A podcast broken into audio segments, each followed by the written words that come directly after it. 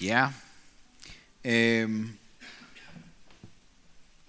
Nu er vi kommet til prædikenen, og i øh, den her måned, i september måned, der har vi øh, bestemt og fået lov til øh, at prædike over salmernes bog. Altså øh, øh, forskellige udpluk af salmer fra, fra det gamle testamente. Og det skal jeg også nu her. Og øh, det er salme 139, og vi har faktisk sunget mange af ordene allerede. Og øh, jeg vil gerne læse det, og øh, jeg opfordrer, opfordrer dig til bare at sidde og prøve at tage ordene ind, og lade dem sådan øh, synke ned i dig. Altså uanset om du har hørt dem før eller ej, om du øh, tror det er rigtigt eller ej, øh, om du synes de øh, måske bare er sagt ud i rummet, eller sagt til dig, fordi du skal høre dem. Det er David, der har skrevet salmen, og jeg vil øh, læse vers 1-12. Herre, du renser mig og kender mig. Du ved, om jeg sidder eller står. På lang afstand er du klar over min tanke. Du har reddet på, om jeg går eller ligger. Alle mine veje er du fortrolig med. Før ordet bliver til på min tunge, kender du det fuldt ud, Herre. Bagfra og forfra indeslutter du mig, og du lægger din hånd på mig. Det er for underfuldt til, at jeg forstår det. Det er så ophøjet, at jeg ikke fatter det. Hvor skulle jeg søge hen fra din ånd? Hvor skulle jeg flygte hen fra dit ansigt? Stiger jeg op til himlen, er du der. Lægger jeg mig i dødsriget, er du der. Låner jeg morgenrødens vinger og slår mig ned, hvor havet ender, så leder din hånd mig også der. Din højre hånd holder mig fast. Siger jeg, mørket skal dække mig, lyset bliver til nat omkring mig. Så er mørket ikke mørke for dig. Natten er lys som dagen. Mørket er som lyset. Amen.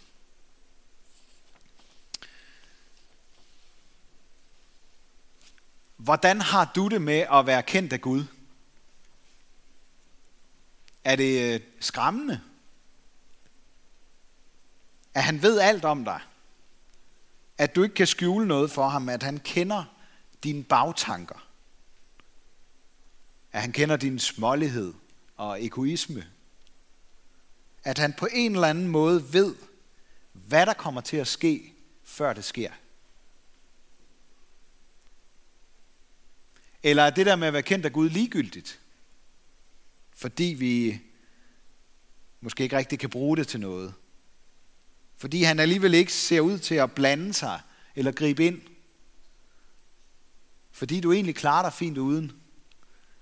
Fordi livet handler mere om at lære sig selv at kende og alt muligt andet end det med Gud. Eller er det trygt at være kendt af Gud? Vide, at han er. Han er der. Vide, at han ved, hvor du er, og hvordan du har det. Hvad der betyder mest for dig. Hvordan du kommer godt gennem livet. At han ser efter dig på lang afstand. Og tager sig af dig lige meget, hvor du går, ligger eller står. At være kendt af Gud, det tror jeg, det kan få mange forskellige slags tanker frem i os. Og i dag, der får vi simpelthen lov til her i øh, nogle minutter og spejle os i de tanker, som David havde om Gud, og som han har skrevet ned i øh, den her salme. Kendt af Gud.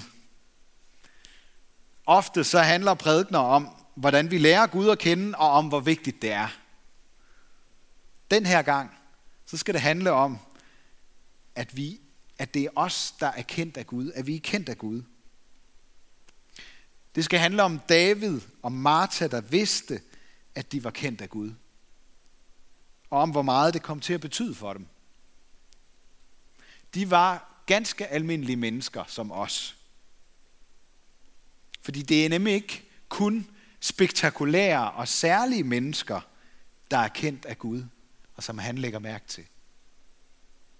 Vi er alle skabt og kendt af Gud, fra vi bliver undfanget, som David skriver om det i en salme. Det er det, vi med et fint ord kalder for det kristne liv som menneskesyn. Det bygger ikke på, hvad vi som mennesker kan finde ud af om Gud, men på, hvad Gud har fortalt os om sig selv i Bibelen. Kendt af Gud, det er ikke noget, man bliver. For eksempel ved at gå i kirke eller læse Bibelen eller sådan noget. Det er noget, vi er. Det er en virkelighed, som vi kan leve i, hvis vi vil. Man skal heller ikke gøre sig fortjent til at være kendt af Gud. Sådan som vi skal med alle mulige andre, ikke? Ellers så gider de ikke øh, være sammen med os, eller måske fortælle, at, at vi kender dem, eller et eller andet, at de kender os. Det er som regel, hvis der er et eller andet, man synes er meget fedt, og som man sådan lige vil øh, øh kobles lidt op på, og få lidt øh, credit af, fordi man lige kender en eller anden, der er kendt, eller sådan noget. Sådan er det ikke med Gud. Det med at være kendt af Gud, det er noget, vi skal vedkende os. At han kender os, og vi kender ham.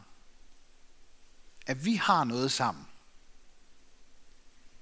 Hvis I kender noget til Martha fra det nye testamente, hende vi blandt andet hørte om i det, det jeg læste fra Johannes evangeliet, eller til David fra, fra det gamle testamente, så ved I, at de var langt fra perfekte mennesker. Altså Martha, hun havde travlt med alle de forkerte ting. Så hun havde simpelthen svært ved det der med at prioritere. Og David, han blev let grebet af det, han så eller havde gang i, så det kom til at gå ud over andre. Han var også lidt for optaget af sit arbejde som konge, så han kom til at forsømme sin familie. Men de var begge kendt af Gud og vedkendte sig ham og levede i den virkelighed, der er langt større end menneskers relationer til hinanden kan blive. Vi har sådan brug for at være mere end bekendte med hinanden. Og kende hinanden. Og blive venner. Og kunne fortælle hinanden også om alt det svære og vigtige. Vi kan ikke leve godt uden at være kendt af andre på en måde, så de får lov til at sige noget til os. Om hvor meget vi betyder. Om at det gør dem kede af det, når vi kommer til at ødelægge livet for os selv eller måske for andre. Vi har sådan brug for at kunne lukke nogle få mennesker ind i de mørke sider af vores liv. Så vi ikke skal være alene med alt det tunge. Et langt stykke af vejen, så kan vi hjælpe hinanden som mennesker. Men der findes også et mørke, som vi ikke kan hjælpe hinanden ud af. Fordi vi som mennesker er født med natteblindhed. Mørke gør, at vi ikke kan se alt, at der er noget, der er skjult for os. Og fordi vi også selv indeholder mørke, så kan der nogle gange være mørke i vores liv, som for os at se slet ikke ligner mørke. Men det ser lyst ud for os, men fører os længere ind i det mørke, der får Guds lys til gradvist at forsvinde. Sådan er det ikke for Gud. Sådan er det for os. For ham er mørket som lys, fordi der ikke findes mørke i ham. Han er ikke natteblind som os. Han oplyser og gennemskuer mørket med sit lys. Det er derfor, vi har brug for ham. Fordi han kan se noget, vi ikke selv kan se. Han er verdens lys, som Jesus sagde det om sig selv en gang. Så selv det mørke, vi har i os, det kender Gud også. Hvis Gud ikke får lov til at lyse på os, så vil der blive ved med at være sider ved os selv, som vi overser eller slet ikke kender. David, for eksempel, han opdagede først sine blinde vinkler, da han hørte Guds ord sagt direkte til sig fra profeten Natans mund. Hans eget mørke havde fået ham til kun at se det lyse i at tage en anden mands kone til sig, og elegant sørge for, at manden døde i et såkaldt uheld i en krig. Uden Guds afslørende lys, som han aldrig kommet til at se virkeligheden i øjnene. Og efter den oplevelse, sammen med mange andre oplevelser, som, som vi har gengivet i det gamle testamente, så fik David øje på, hvad det vil sige at være kendt af Gud. For Gud undersøger og kender os, fordi han vil helbrede os. Han lægger mærke til, om vi sidder eller står, om vi ligger eller går, og han ved, hvor vi er på vej hen. Og hvis I lader mærke til det, så er Davids salmer meget ofte bygget op omkring gentagelser. Han siger det samme på to forskellige måder, lige efter hinanden. Det er lidt ligesom vi bruger rim i sangen, så vi bedre kan huske det. Så brugte man dengang øh, gentagelser for, at jamen det giver sådan lidt mere meditativ fornemmelse. Det er ligesom om, det trænger dybere ind, når vi får sagt det samme på forskellige måder. Det får os til at tænke dybere over, hvad var egentlig meningen med de ord. De synker længere ned i vores bevidsthed. Jeg er kendt af Gud. Han kender mig. Han ved alt om mig. Jeg er ikke alene. Før vi siger noget, så ved Gud, hvad vi vil sige. Og det betyder, at vi ikke kan komme til at sige noget, som Gud ikke kan rumme. Vi kan ifølge Jesus endda forbande og fornægte Gud, hvis det skulle være, uden at komme uden for Guds rækkevidde. Han omkranser os på alle sider og lægger sin hånd over os. Ikke fordi han ikke kan holde ud og høre på os, hvis vi for eksempel brokker os, men fordi vi skal vide, at han kender os så godt, at han forstår, hvorfor vi siger det, der kommer ud af vores mund. Selv når vi ikke rigtig selv forstår det, så gør han. Det er så ufatteligt og ophøjet, at David slet ikke kan sætte ord på det, og må nøjes med at sige, at han ikke fatter det. David kender også til lysten til at flygte fra Gud. Ligesom profeten Jonas prøvede at gøre det. Men han ved ikke, hvor han skal tage hen. For Guds ånd er overalt, siger han, og Guds ansigt lyser både om dagen og om natten. I lyset og i mørket, i himlen og i dødsriget, når solen står op om morgenen og når den går ned om aftenen, er Gud der og følger ham. Guds hånd leder ham, og den samme hånd holder ham fast, så han ikke kaster sig selv i ulykke. Og så siger David noget, som ikke giver særlig meget mening for os mennesker, der ofte ser lys og mørke som sådan modsætninger. Hvis jeg slukker alt lys omkring mig, siger David, hvis alt håb er ude, og hvis det, der var, ikke længere findes, så er det der stadigvæk for dig, Gud. Sådan siger han. Det er næsten som om David siger, at hvis han slukkede lyset så radikalt, at han tog sit eget liv, så vil han stadigvæk være kendt af Gud. For mørket er ikke mørke for dig. Natten er lys som dagen. Mørket er som lyset. Og her står vi lige præcis ved grænsen for, hvad vi kan hjælpe hinanden med som mennesker. Syndens og dødens mørke gør os mennesker ultimativt magtesløse. Vi skal ikke forstå det sådan, at David prøver at bagatellisere mørket og kalder det for noget andet. Og det gør Gud heller ikke. For os, der er mørket mørkt, og det onde er og gør ondt. Men for Gud er det anderledes. Han kan nemlig gøre noget ved det. Tro det ikke, når nogen vil gøre det mørke til noget lyst eller skjult meningsfuldt. Tro heller ikke på det, når nogen kalder det onde for noget egentlig godt på en eller anden skjult måde. men tro kun på ham, der er stærkere end det onde, og som er lyset i mørket. Alt andet, det er menneskers forsøg på at forklare det mørke og onde, og give det en grund til at være der. Måske som lysets eller det godes nødvendige modsætning. Men det onde, det er fravær af godhed. Ligesom mørket er fravær af lys. Vi må ikke nøjes med at begrænse ondskaben og fortrænge mørket. Vi er kendt af ham, der kan besejre det onde og få lyset til at skinne, så mørket en dag helt vil forsvinde.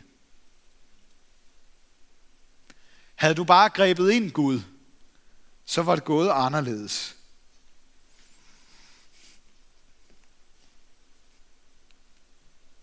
Er der nogen af jer, der kender den tanke? Måske ligefrem har sagt det. Det var det, Martha mødte Jesus med, da hendes bror Lazarus var død. Havde du bare været her, var min bror ikke død. Men selv nu ved jeg, at hvad du beder Gud om, vil han give dig. De var ikke bare kendt af Jesus, de var hans venner, som han jævnligt besøgte i byen Betania nord for Jerusalem. Martha kendte Jesus, men Jesus kendte Martha bedre. Og da hun hørte Jesus sige, din bror skal opstå, så forstod hun det som et forsøg på omsorgsfuld trøst fra et magtesløst menneske til et andet. Og hvor er det godt, at vi kan sige trøstende ord til hinanden, fyldt med evigt håb. Men når Jesus siger noget, så kan hans ord skabe det, de nævner.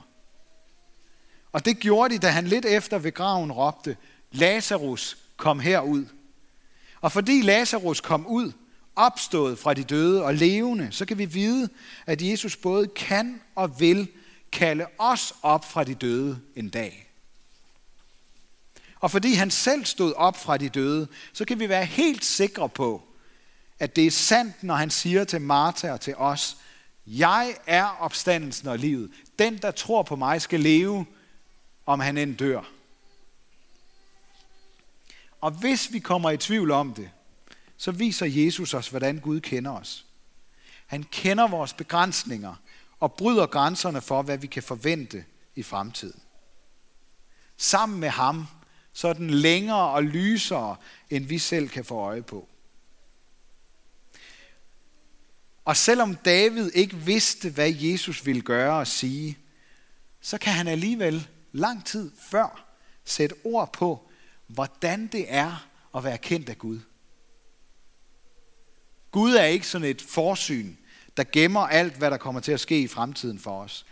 Han er en, der vandrer sammen med os og vil føre os gennem livet som en venlig hjælper, der leder en blind rundt i byen, så han kommer godt frem.